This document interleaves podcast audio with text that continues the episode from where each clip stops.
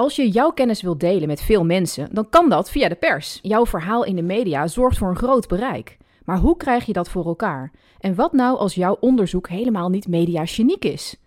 Of als je wel je verhaal wilt delen, maar liever via je eigen kanalen in plaats van via een journalist. Onze gast van vandaag weet als geen ander wat nieuwswaardige verhalen zijn over wetenschap. En hoe jij als onderzoeker erachter komt wat jouw onderzoek mediageniek maakt. En dat is meestal meer dan je zelf denkt. Welkom bij de podcast van echtimpact.nu met tips voor het communiceren van jouw wetenschappelijk onderzoek. Met Jenny Hazenok en Marloes ten Katen. Voor meer communicatietips, trainingen en ons gratis e-book kun je terecht op www.echtimpact.nu. Onze spreker bij ons aan tafel schrijft toegankelijke teksten over wetenschappelijk onderzoek.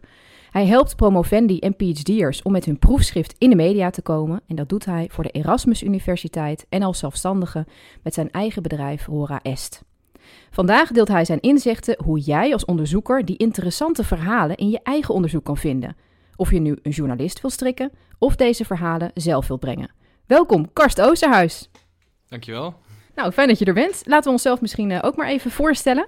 Ik ben Marloes ten Katen, ik ben trainer, presentatiecoach en voormalig wetenschapsjournalist. En ik ben Jenny Haasenak, trainer, wetenschapscommunicator en theaterdocent. Samen zijn wij echt Impact.nu gestart met presentatietrainingen voor wetenschappers. In deze podcast delen we samen met experts uit het veld tips hoe jij met impact kan communiceren. Even kijken, Karst. Wij gaan uh, via drie stappen jouw inzichten delen. Stap 1 wordt, hoe kun je nou zelf de verhalen in je eigen onderzoek vinden als wetenschapper zijnde? De tweede stap wordt, welke type nieuwshaakjes zijn er? En stap 3 wordt, hoe trigger je een journalist of hoe kun je zelf het verhaal brengen? Maar voordat we helemaal uh, die diepte in duikten, uh, duiken, ben ik even benieuwd. Uh, jij zorgt dat promovendi PhD'ers dat zij in de media terechtkomen. Hoe doe je dat? Ik benader de promovendi. ik krijg een lijst van de universiteit met alle promovendi die binnenkort een proefschrift verdedigen. En dan stuur ik ze een mailtje en dan vraag ik ze of zij een formulier willen invullen. En in dat, in, uh, dat formulier zijn eigenlijk een paar basisvragen over hun onderzoek. Uh, zodat ik een idee kan krijgen, hey, waar gaat het over? En uh, ja, als ik daardoor getriggerd word, wat eigenlijk bijna altijd wel het geval is, dan ga, plan ik een interview met ze in en ga ik een uur echt ja, de diepte in over hun onderzoek. En daar schrijf ik een ehm, toegankelijk een artikel over, wat ik ook als persbericht gebruik. En daarmee ga ik dan eigenlijk uh, ja, journalisten benaderen en te kijken van... hey, zien jullie uh, hier iets in en willen jullie ook misschien met deze promovendus uh, praten over zijn onderzoek? En heb je een leuk succesverhaal te delen? Wat is bijvoorbeeld een type onderzoek waarvan je zegt... nou kijk, dat is dan lekker dankzij mij in de media terechtgekomen? Nou, ik zat net toevallig nog de radio te luisteren naar de, naar de Nieuwsbv. want er zat een promovendus die ja, via mij was terechtgekomen. En terwijl ik zat te luisteren kreeg ik ook nog een mailtje van, uh, van de trouw dat ze hem ook willen interviewen. Uh, dat was een promovendus die is gepromoveerd op, ja, uh, deed onderzoek naar hoe moeilijk het is om in Nederland als band het te maken. Dus zeg maar om, om echt je boterham te verdienen met, als bandje. dus die heeft allemaal bandjes gevolgd en geïnterviewd. En die heeft ook gekeken naar wat bandjes dan gemiddeld verdienen. Naar, en, ja, en ook wat popopleidingen doen om bandjes, zeg maar, om, om jongeren die uh, muzikant willen worden om ze daarin te stimuleren. Ja, dat leverde gewoon een heel interessant uh, verhaal op. En hij wacht nu op allerlei, bij allerlei media aanschuiven. Nou, ik kan me ook wel voorstellen dat een bandje, dat is ook wel iets wat, wat lekker uh, toegankelijk is of zo. Uh, stel nou dat ik uh, als onderzoeker luister en ik denk, ja, maar ja, zo spannend is mijn onderzoek niet. Um, zeg maar van alles wat binnenkomt bij jou. Mm -hmm. Hoe vaak denk je dan, oh, dit zou wel wat kunnen zijn? Of, of is dan echt 70% en je denkt, nee, dat nee, werkt niet. Juist andersom, 70% juist wel. Ah. en dat komt natuurlijk ook al, ik vraag, de, ik vraag de onderzoekers zelf om input aan te leveren. En daarmee moeten ze zelf ook al wel een soort stap over. Van, en dus het, ook bij, vinden ze dus ook leuk. Dus uh, het is een eerste, het begint met wil je het graag? Uh, en dat zijn de onderzoekers die ook mij dan uh, dat, die, dat formulier invullen. Ik weet niet precies hoeveel tijd het kost, maar het zijn, het zijn vrij simpele vragen. Maar dat geeft dan wel een schifting natuurlijk. Dus het zijn de onderzoekers die het willen. En um, dat is wel een goede vraag, denk ik, om mee te beginnen. Wil je dat überhaupt? En waarom zou je dit willen als onderzoeker? Waarom zou je zo graag uh, in de aandacht willen staan? Wat is jouw visie daarop? Um, nou, in eerste instantie zie ik bij de onderzoekers terug dat ze het gewoon heel erg leuk vinden. Dat er eh, interesse is eh, vanuit, eh, eh, vanuit media. Dat is vaak een e- eerste ervaring dat ze überhaupt door een journalist worden gebeld. Eh, dat is helemaal nieuw en wel spannend, maar tegelijk ook wel heel veel voldoening als, als, dat dus, eh, als je dat wel doet. En als je dan ook eh, ja, op een leuke manier je verhaal hebt kunnen vertellen en een breed publiek bereikt. Wat misschien met je, ja, je proefschrift dat honderd keer gedrukt wordt, eh, is, eh, wat minder gebeurt. Ja. Heb je ook wel eens eh, gehoord wat, wat, wat het resultaat is van mensen? Of ze dan bijvoorbeeld meer samenwerkingen krijgen, of dat een politicus heeft geluisterd, of ja, weet ik veel. En want ik kan me voorstellen, bij een breed publiek heb je best wel veel type mensen die ineens jouw verhaal ook horen, waarvan je misschien van tevoren nog niet eens dacht, hé, hey, die kunnen iets met mijn onderzoek. Ja, precies. Maar in, in eerste instantie gewoon mede-onderzoekers eh, die erdoor getriggerd worden. Maar ook bijvoorbeeld eh, ja, beleidsmakers of eh, politici die, die horen het- ook. En als het echt bijvoorbeeld gaat over iets wat, wat politieke implicaties heeft... ja, zie je dat het ook echt wel kan doorwerken. Ja, had je niet ook een verhaal in de media gebracht wat kamervragen had opgeleverd?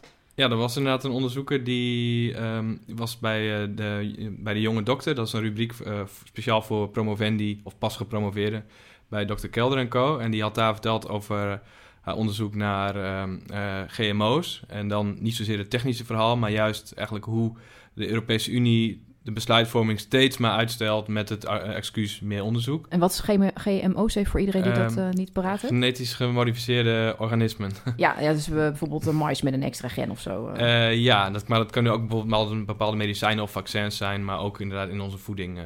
Ja. En eh, ja, daar was dus eh, die impasse, dat had zij haar onderzoek heel mooi laten zien. Van, ehm, en ja, daar zijn toen uiteindelijk ook eh, in de Tweede Kamer eh, ja, vragen over gesteld eh, aan, eh, aan de minister.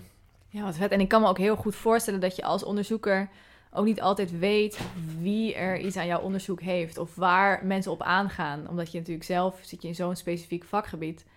Ehm, ja, is dat ook jouw ervaring dat er eh, uit onverwachte hoeken respons komt? Ja, precies. Want eh, ja, het is niet zo dat iedereen die met een bepaald onderwerp bezig is, de hele tijd op eh, Google Scholar zit te kijken van wat, wat verschijnen daar nou aan publicaties.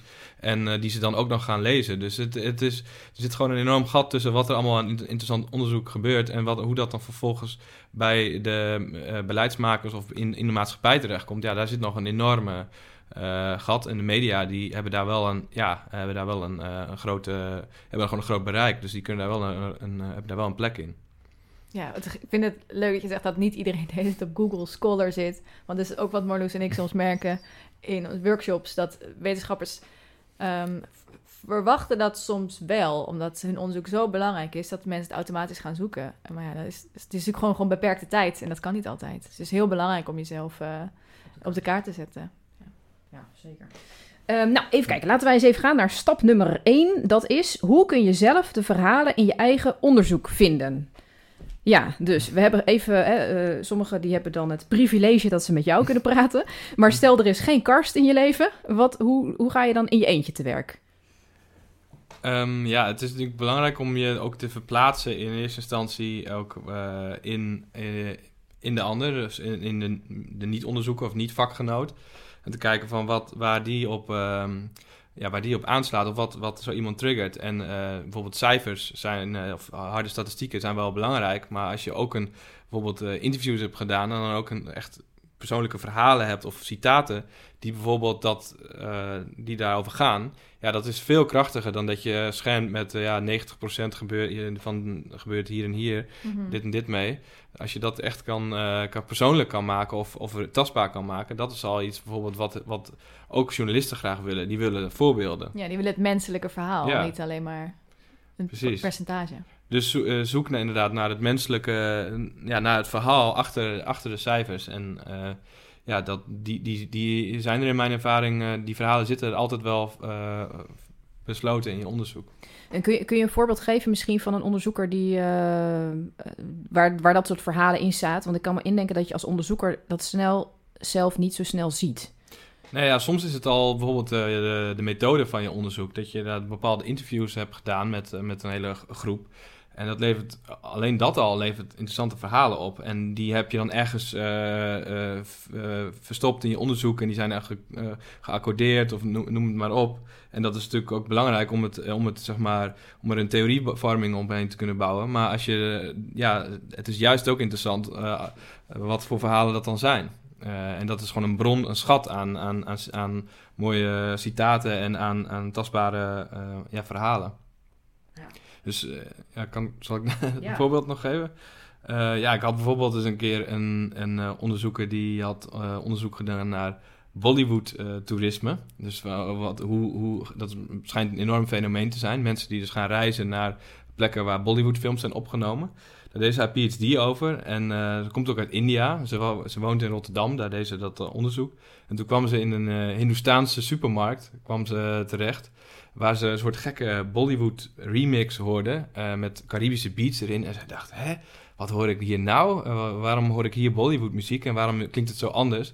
En toen kwam ze dus achter dat het een Hindoestaanse supermarkt was. En dat, uh, dat er in Nederland een hele grote Hindoestaanse gemeenschap was. die dus allemaal, heel veel, waarvan heel veel Bollywood kijken. naar Bollywood kijken en dus ook graag naar India willen afreizen. En zij had daar nog nooit van gehoord. Want het zijn maar, ja, er zijn een paar honderdduizend Hindoestanen hier.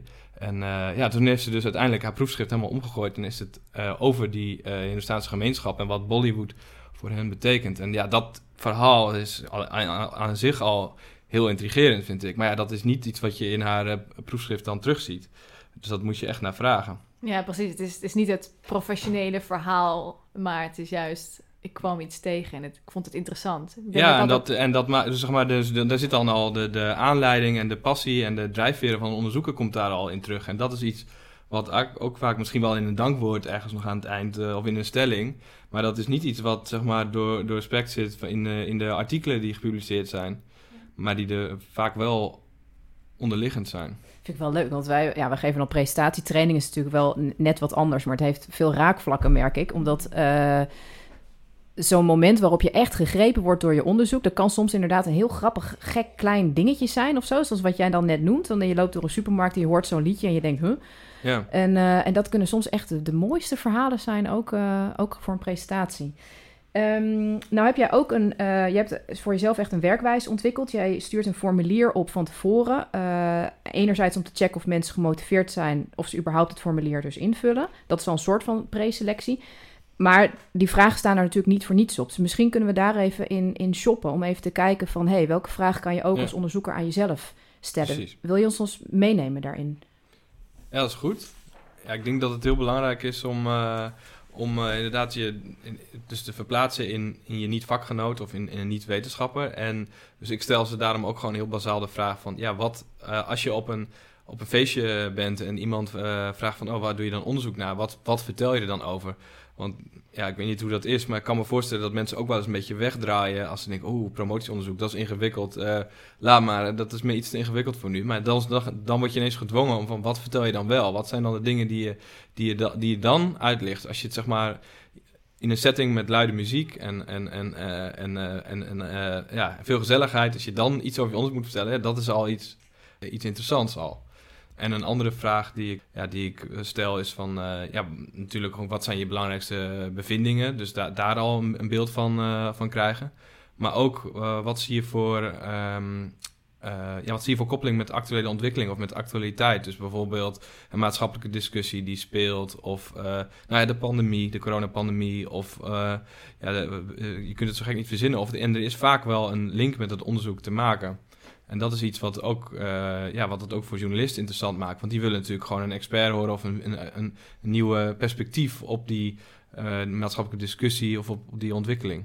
Ik vraag ze dus wat de belangrijkste conclusies zijn en de samenvatting. En uh, ook wat, wat, er gewoon de meest, wat je zelf als de meest verrassende bevindingen ziet. En als jij dan de antwoorden leest, waar let je dan vooral op?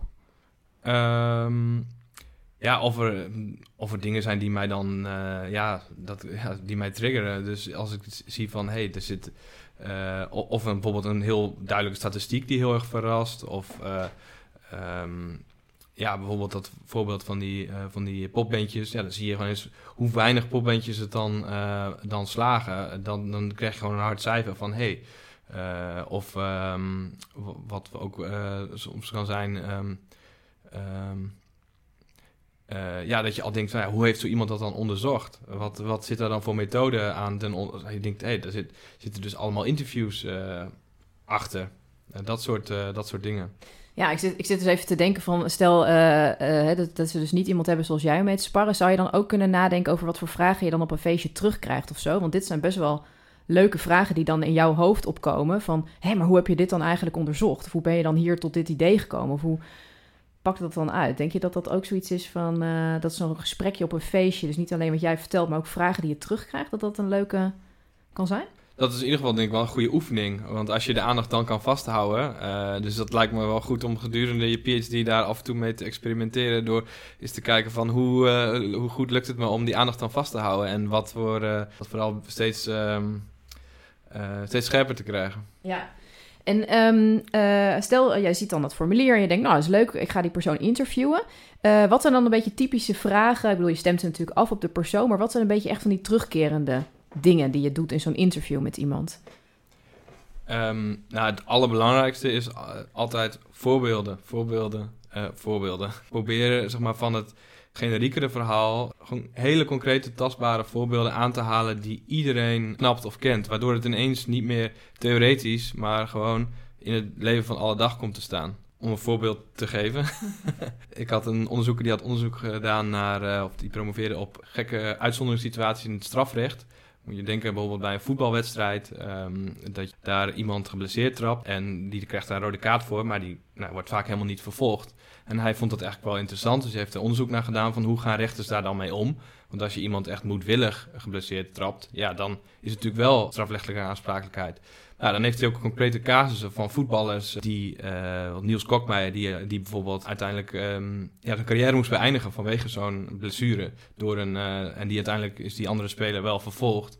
Maar dat soort voorbeelden, ja, dan wordt ineens zeg maar, zo'n heel abstract juridisch verhaal wordt ineens aan de hand van een voetbalspeler. En die zaak heeft hij ook echt concreet onderzocht. Dus hij heeft ook echt gekeken naar wat is de uitspraak, wat was de argumentatie van de rechter in zo'n geval. Maakt het ineens veel minder eh, ja, juridisch eh, en, eh, en, en droog. Ja, tof. Ja, ik, ik, ik denk dat ik, dat ik snap wat je bedoelt. Dus je moet echt vooral als onderzoeker op zoek gaan naar die verhalen in feite in je eigen onderzoek. Kan ik het zo samenvatten? Ja, verhalen. En dat zijn dus uiteindelijk vaak ja, voorbeelden die het, uh, die het illustreren. Die zitten meestal wel in je eigen onderzoek. Maar soms kun je ook gewoon iets, wat, uh, iets een voorbeeld uit het nieuws aanhalen waar, de, waar het aan linkt. Het hoeft niet per se in je proefschrift te staan. Je kunt dat wel gebruiken om je, om je verhaal duidelijk te maken. Of om het voorbeeld voor iedereen, ja, om het als voorbeeld te stellen. Ik, ik vind het een heel mooi brugje naar stap 2. dus stap 1 was uh, hoe kun je uh, de verhalen in je eigen uh, onderzoek vinden. Nou, dus één mogelijke manier om dat te doen is dus bijvoorbeeld door na te denken als iemand op een feestje met hele luide ja. muziek en in een setting waarin er allerlei afleidingen zijn. Wat vertel je dan eigenlijk over jouw, jouw onderzoek en wat zijn de voorbeelden ook? Um, maar dan, stel dat je denkt, nou, ik zou het wel leuk vinden, mijn verhaal in de media, of dat je het zelf wil brengen. Wat voor type nieuwshaakjes zijn er dan?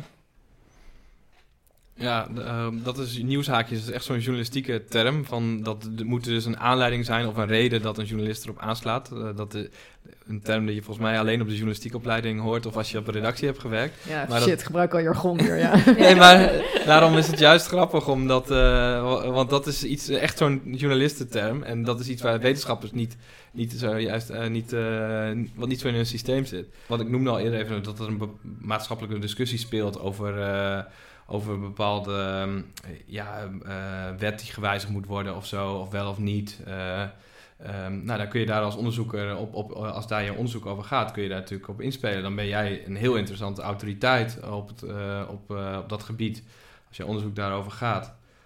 Of, um, ja, ja, soms... Ik denk meteen aan klimaatverandering. Ik weet niet of dat is eentje die voor jou populair is of juist niet. Ja, maar die is natuurlijk ook wel. Bijna alles heeft wel een link. het gaat nu zo uh, met het klimaat dat er altijd wel een link te maken is. En die is niet per se altijd interessant genoeg voor journalisten om daarop aan te slaan. Dan moet je wel echt iets hebben gevonden wat. Uh, of een, of een, ja, iets wat, wat, wat, vernieuwends brengen, zeg maar. Kan ook iets heel, heel concreets. bijvoorbeeld treinstoring had ik een keer 3 april vorig jaar. Toen uh, reden er geen enkele trein vanwege een uh, ja, computerstoring, waardoor de seinen niet aangestuurd konden worden. Mm -hmm. Nou, toevallig twee weken later promoveerde er een econometrist. Die had een model gebouwd om een soort alternatief aansturingsmodel... Uh, om te zorgen dat de treinen toch konden rijden bij zo'n computerstoring. Door bijvoorbeeld op stations dan stationschefs te zetten die dan nou ja, zeggen welke trein wel en niet kan rijden. Zo'n incident, ineens wil iedereen, dit mag nooit meer gebeuren. En dan heeft een onderzoeker dan net een onderzoek op de plank liggen of afgerond wat daarover gaat. Dus... Ja, ik kan me ook heel goed voorstellen dat als je een oplossing hebt voor een probleem wat nu enorm in het nieuws is, dat dat heel goed werkt. Zoiets als een treinen die niet rijden. Ja, iedereen vindt ervan, iedereen klaagt daarover. Nederlands favoriete bezigheid, klagen over de NS. Ehm, en als je dan ineens een oplossing hebt, kan voorstellen dat journalisten en ook dus lezers daar erg op aanslaan. Ja, precies. Zie jij ook kansen in nieuws, een nieuwshaakje, als ik toch maar even dat woord weer gebruik, wat je uit je eigen onderzoek kan halen? Dus los van de wereld om je heen? Um, nou ja, nieuws uh, wat altijd goed doet. Bedoel, uh, um, uh, journalisten zijn ook gek op cijfers en statistieken. Dus als jij, de, door de, de CBS-cijfers worden ieder jaar door redacties heel nauwkeurig in de gaten gehouden wanneer die uitkomen. En daar wordt ook vaak wel wat mee gedaan als daar grote veranderingen in zijn als jij onderzoek gewoon uh, interessante uh, ja, statistieken en cijfers heeft die over de maatschappelijke ontwikkeling uh, of inzage geven over iets wat, ja, wat, wat nog niet bekend is. Bijvoorbeeld, ik had een onderzoeker die deed onderzoek naar het social media gebruik en wat dat doet met je welzijn. En het bleek eigenlijk dat alleen meisjes die op sociale media zaten, daar ja, eigenlijk hun welzijn van achteruit holden. En bij jongens was er geen correlatie tussen hoe lang zij op social media zaten en wat dat met hun uh, welzijn deed.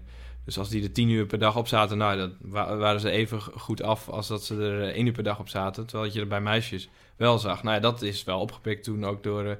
Uh, dat, dat, was iets nieuws, zeg maar, iets ver, verrassends. Ja. ja, grappig, want we hadden het net over ja, menselijke voorbeelden en de persoonlijke verhalen. Um, maar die, eh, die cijfers, die statistieken werken dus ook. Dus je hebt eigenlijk allebei nodig voor een goed verhaal. Ja, nou ja, als je, en als je die hele goede cijfers en statistieken, als je dus wat meer bijvoorbeeld uh, kwalitatief onderzoek hebt gedaan, zijn die verhalen nog belangrijker. Want dan kun je dus niet staven met cijfers. Dan moet je dus echt kijken van, hey, heb je een interessante theorie uh, voor die bedacht? Of, dan, dan is dat belangrijker dan als je ook keiharde statistieken kan laten zien, bij wijze van spreken. Ik vind, ik vind het echt heel... Ik, ik had echt gewild dat ik jou had gekend toen ik nog zelfs journalist was bij, bij radio en bij tv. Want het klinkt echt alsof je gewoon die hele verhalen gewoon op een gouden plaatje naar buiten brengt. Dus helemaal, helemaal, word er helemaal blij van. Uh, maar goed, dan komt nu de volgende vraag. En dat vind ik dan... Uh, bij mijn achtergrond, als ik ben inmiddels geen journalist meer, maar ik ben de tijd geweest. Ben ik heel benieuwd. Hoe trigger je dan die journalist, Karst? Hoe doe je dat dan? Ja, hoe trigger die journalist? Ja, dat is uh, toch... Uh, ja, we hebben natuurlijk, we namen, noemden al wat voorbeelden. Die nieuwshaakjes, dat zijn nou juist de triggers van journalisten. Dus die willen juist dat er zo'n nieuwshaakje in zit. En die moet je ook prominent, naar voren uh, brengen in het stuk. En wat ik dan soms doe is, zeg maar, het artikel schrijven. Maar de journalist, als ik ze mail, ook dan juist al even in een paar bullet points... die belangrijkste... Uh, bevindingen en nieuwshaakjes even onderschrijven. Dat ze niet zelf dat eruit hoeven te, te vissen. En jij zegt nu heel uh, casual, als ik de journalist mail. Um, hoe pak je dat aan als je zeg maar zelf als wetenschapper een journalist wil bereiken? Nou, hoe, uh, hoe gaat het? Want we slaan nu een soort stap die voor jou heel vanzelfsprekend is. En voor wetenschappers waarschijnlijk niet, slaan we over. Nee, heel goed punt. Maar uh, ik denk dat het begint met bijvoorbeeld de, de journalisten volgen die over jouw uh, onderzoek of over jouw thema of over jouw werkveld schrijven. En dat zijn er vaak nou, bijvoorbeeld op een bepaald onderwerp zijn het een handje vol. Als je alleen al in beeld hebt wie dat zijn, dus door gewoon eens op, uh, op, uh, op zaterdag de, de wetenschapsbijlage open te slagen van een krant, of door gewoon ook actief media te volgen, heb je al in beeld wie dat, wie dat zijn. Ja. En ja, een journalist zal er denk ik niet heel gauw rekening mee houden dat een wetenschapper je persoonlijk een journalist benadert. Dus dan zullen ze wel eventjes opkijken in hun inbox als er dan een uh, als een journalist uh, moeite heeft gedaan om uh, actief, proactief te benaderen. Ja, I can confirm. Ik heb jarenlang dus gewerkt bij de radio en bij tv. Ik heb één, één onderzoeker gehad die mij ooit mailde. En die had, die had een verhaal wat niet mediageniek was, maar alleen al omdat die persoon mij mailde, heb ik echt een half uur ermee aan de telefoon gehangen. Wat in radiotermen erg lang is, omdat je elke dag een radioshow van een uur eruit moet uh, drukken. Zo. Dus een half uur is dan heel veel. Dus ja, inderdaad. Dus doe dat mensen. Ja, Gemma, we, we spraken met Gemma Venhuis in een andere aflevering. En zij zei dat ook, dat het ja. heel leuk is om gemaild te worden. En ook als het nu niet, nu niet in de krant komt of het verhaal het past nu niet, dan zit je wel in de map, zeg maar. Dan heb je wel het contact gelegd. Dus dat is goed advies. Ja, en ik kan, ik kan al een groot, ook wel een klein geheim uh, verklappen. En uh, ik hoop niet dat alle journalisten nu gestokt gaan worden. Dat zal, zal wel loslopen. Maar in feite is elke journalist, eh, bijna bij elke krant, is het gewoon achternaam of voornaam, punt, achternaam, at, naam van de krant.nl. Uh, of alleen de voorletter. Uh, dus het is, het is niet zo dat ze achter de weggestopt zitten in Ivoren Toren en totaal niet bereikbaar zijn. Je kunt ze gewoon, ja, je kunt ze gewoon vinden. Ja, en als het bij radio en tv is, even een tipje voor uh, als je de niet schrijvende journalisten, dan kan je um, de eindredactie kan je ook gewoon googlen. Het staat altijd aan het eind van de aflevering. Ja, dus je kunt het eigenlijk stiekem heel makkelijk vinden. Ja, dus eigenlijk basically, uh, wees dus ook gewoon een beetje brutaal en, en mail dus gewoon. Ja. Nou, in dit geval ben jij een hele fijne persoon die mensen daarin kan helpen en begeleiden. Wat nou als ze niet aan de Erasmus zitten of ze hebben jou niet ingehuurd of ze zijn een beetje in hun eentje. Waar kan je dan een soort van hulp daarin vinden? Als je dat toch een beetje spannend vindt, van je die mail toch even nog een beetje goed hebben. Ja, ik denk dat je sowieso wel je de, de, de, de communicatieafdeling van je faculteit, die zijn ook vaak iets beter geïnformeerd in welke, welke uh, outlets of welke media, uh, die hebben ook beter contacten in de media. En die uh, snappen ook wel, uh, kennen, ja, kunnen ook, snap je onderzoek ook uh, relatief makkelijker. Um, omdat ze ook je werkveld kennen. Dus die kun je altijd even meelaten. Die, die hebben misschien niet tijd om uitgebreid persbericht voor je te schrijven of daar de resources voor. Maar die kunnen wel zeg maar even een, iets meelezen of doorsturen naar een journalist. dus die kunnen je al heel, heel makkelijk met, met, ja, met kleine dingen helpen. Ja, ja, ik geloof zelf niet zo heel erg veel meer in persbericht. Ik denk inderdaad een mail vanuit de onderzoeker zelf. Denk, ik denk, ik schat echt in dat het tien keer effectiever is. Dat denk ik ook. Um, dus ik, misschien moet ik eigenlijk gewoon in vervolg de wetenschappers zelf uh, de redacties laten mailen met misschien het ja, artikel wat we samen hebben, uh, wat we samen hebben opgesteld. Want ik zie het ook echt als een co-productie. Co Uiteindelijk moeten zij ook echt achter staan en wil ik ook niet hun onderzoek uh, populariseren zonder op een manier dat zij daar zich niet in herkennen. Want dat is natuurlijk wel iets waar nou ja, sommige journalisten een, een, een handje van hebben. Ja, uh, stel nou dat je dan dus als onderzoeker denkt van nou, uh, liever niet via een journalist. Uh, wat voor reden dan ook. Wat voor tips heb je dan om het zelf te doen? Als je wel zegt van ik wil wel mijn verhaal delen met een breed publiek, maar ik wil zelf de eigen regie in eigen hand houden. Ja, dat, dat, is een, dat is een goed punt. En dat moet inderdaad uh, moet je, je moet, moet je liggen. Want je geeft het wel een beetje uit de handen natuurlijk. Als je geïnterviewd wordt. Um, dus eh, ja, wat, je ook kan, wat je ook zou kunnen overwegen is in eerste instantie gewoon je eigen social media kanalen gebruiken. Dus Twitter of LinkedIn actief over je, over je onderzoek. Maar wat ook goed kan is bijvoorbeeld, of een blog natuurlijk. Maar wat, wat ook kan is kranten hebben ook opinie, opinieredacties en ook een opiniepagina. En ja, die zitten ook te, te springen om, om goede experts die zeg maar op een, uh, die uh, ook een, ja, hun mening kunnen geven over bepaalde beleidsdossiers of bepaalde onderwerpen. En uh, dus ja, je kunt ook overwegen om gewoon een opiniestuk in te sturen. En als je zelf wat minder schrijfervaring hebt, kun je ook ja, je omgeving betrekken die, die zeg maar mee kan lezen. Ja, zeker. Ik denk dat, dat het erg verwelkomd wordt, geïnformeerde meningen, wetenschappers met een mening in de krant. Ja. Ja, en dat moet je natuurlijk, daar moet je je natuurlijk ook wel prettig bij voelen. Dus niet iedereen uh, heeft uh, op basis... Sommige wetenschappers zie ik een heel duidelijk... dat die een heel duidelijke mening hebben... Uh, over bijvoorbeeld bepaald beleid op basis van een onderzoek. Ja. En sommigen zijn daarvan, nee, dat is niet aan mij. Dat moeten uh, beleidsmakers uh, moeten daar, moeten die, die, die, gevolgtrekking doen. Die moeten dat maar zo interpreteren. Maar ja, als je dat wel hebt, is, werkt dat wel sterk in je voordeel. Want dan is het wel interessant. je bent namelijk een autoriteit. Je hebt er onderzoek naar gedaan. Je, je, je zit helemaal in het onderwerp. Je bent er vier jaar mee bezig geweest.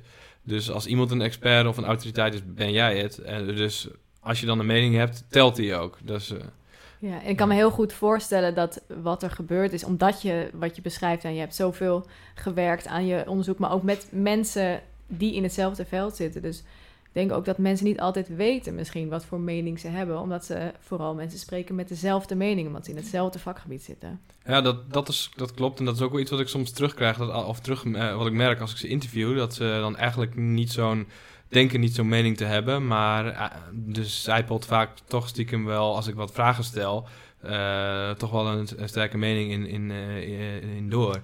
Dus dat zit er vaak wel in. Alleen het is dus niet hoe ze geleerd hebben het op te schrijven. Want dat is niet hoe je hoe je, je academische papers uh, moet opschrijven. Ja, precies. Dus het is ook gewoon het heel erg waard om eens met een neutrale journalistieke partij te spreken. Om nou ja, je gedachten op een rijtje te krijgen en om te kijken wat, wat vind ik hier eigenlijk van? Wat heb ik hierover uit te dragen? Ja, hoe, hoe, groot is eigenlijk de kans, ik weet niet of je dat weet, maar hoe groot is eigenlijk de kans dat als je een stuk schrijft naar een krant, dat dat dan wordt geplaatst? Nou, met opinieredacties uh, weet ik niet precies. Want uh, ik had laatst toevallig wel een promovendus die uit zichzelf dat heeft gedaan. Die stond ineens gewoon in de, in de krant. En ik hè, dat is, dat is, dus die heeft mij ja, helemaal niet nodig gehad. die heeft dat zelf voor elkaar gekregen, maar die had ook wel een heel actueel onderwerp, namelijk ja, AI of algoritmes bij, bij banken en hoe dat de spuigaten uitloopt. Nou, dat is een ethicus die daar onderzoek naar deed. Met opiniestukken heb ik nog weinig ervaring mee. Dat zou ik dus ook wel vaker uh, in willen ondersteunen. Om, om, onderzoekers daar ook wat meer in te begeleiden. Dus zeg maar zelf een aanzet doen en dat ik dat stuk redigeer en dan het doorsturen naar een krant. Maar ik merk wel dat, dat um, over meer, merendeel van de onderzoeken, dus uh, 60, 70 procent van de onderzoekers die ik uh, spreek, en daar dus, die worden opgepikt door, door de landelijke media. 60 tot 70 procent van onderzoekers die jij spreekt worden opgepikt door de landelijke media. Ja. Nou, dat vind ik ook wel een vette statistiek. Ja, ja, precies. Dit zijn de harde cijfers die we nodig hebben. Maar, dus, maar dat geeft best wel, dat is best wel hoopvol dan. Ja. Dat zou, dus hè, uh, stel de onderzoeker die dan luistert, die, dat is best wel empowering. Je kan dus gewoon ook zelf het heft Ja. in eigen hand nemen. En de kans is 60, 70 procent, dus dan de journalist er daadwerkelijk op zit te wachten. Ja, alleen het blijft voor mij ook nog een black box waar het hem... Soms heb je een onderzoek en dan denk je, die wordt, eh, die wordt opgepikt, dat weet je sowieso. Maar dan is het niet zo. Bijvoorbeeld dat verhaal over dat eh, Bollywood-toerisme, dat is uiteindelijk... eh, ja, zij is niet, nergens, eh, ehm, nou, nergens echt opgepikt. Ja, dus Ja. het kan soms ook gewoon dat eh, iets niet wordt opgepikt terwijl je wel denkt dat het gebeurt. Wat ook weer een geruststelling is, dat als je niet wordt geselecteerd, ligt het niet aan jou, maar aan de black box. Ehm, is er nou nog een, eh, een advies die je aan die wetenschappers meegeeft als je één ding zou moeten zeggen? Ja, ik denk als ze, als ze geïnterviewd worden, dus als ze bijvoorbeeld op een radio of eh, door een eh, krantenjournalist worden gesproken, dan ehm, ehm, is het wel belangrijk, dat geef ik ze altijd mee, dat ze wel even moeten nadenken over van wat, waar voelen ze zich comfortabel bij om, ehm, om, zeg maar, eh, over, om, om, om mee te geven. Dus, eh, en denk ook dat een, realiseer ook dat een journalist wel ook iets, iets, eh, iets stevigs of iets pakkends wil, wil horen. Dus alleen maar, ja, dat, dat voel ik me op basis van mijn onderzoek niet, niet comfortabel bij, of daar is meer onderzoek nodig. Ja, dat vinden journalisten niet per se prettige antwoorden. Terwijl het wel een heel legitiem antwoord is als, wetenschapper. Maar bedenk dan wel van tevoren van... hey, wat zijn nou eh, die prikkelende dingen waar ik wel me comfortabel bij voel? Waar ik wel, zeg maar, gewoon eh, wat stevigere uitlatingen wil doen... of waar ik, eh, waar ik een, een, een, een, leuke quote kan, kan geven... Waar, dat, waar een journalist ook ja, in zijn verhaal wat mee kan. Ja, ik vind dat een heel mooie manier om er naar te kijken ook. In plaats van je richten op wat wil ik vooral niet zeggen omdat mijn onderzoek dat niet dekt, eh, richten op wat wil ik wel zeggen. Wat kan Ja. ik wel geven, wat prikkelend is en wat, eh, ja, wat een journalist wil horen. Ja, precies. Zal ik eens even een dappere poging doen om eh, een samenvatting te geven? Dan mag jij aangeven of die klopt. Eh, dus we hebben eh, drie stappen gehad. Hoe kan je nou de verhalen vinden in je eigen onderzoek? Wat voor type nieuwshaakjes zijn er? En ik ben dus nu ook erachter dat dat een, eh, een typisch journalistenwoord is. Dus uh, dankjewel. Uh, en hoe uh, trigger je een journalist? Hoe kom je met een journalist in aanraking? Of hoe kan je het verhaal zelf brengen?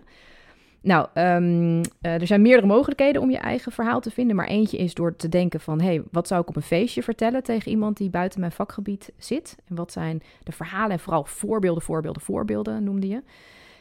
Um, bedenk, uh, als we kijken naar nieuwshaakjes... of jouw onderzoek kan aansluiten op iets wat nu gaande is in de wereld. Iets wat nu in het nieuws is. Misschien een maatschappelijke discussie die nu speelt. Of iets uit jouw onderzoek zelf wat je kan presenteren als zijn nieuws. Dus bijvoorbeeld een uh, statistisch gegeven of iets verrassends wat je hebt gevonden. Ehm, en last but not least, wees vooral niet te bescheiden. Wees gewoon brutaal. Mail een journalist gewoon jouw verhaal. Uh, Google gewoon eens. Kijk eens van welke journalisten schrijven er eigenlijk over jouw onderzoek, jouw type vakgebied. Die kun je benaderen.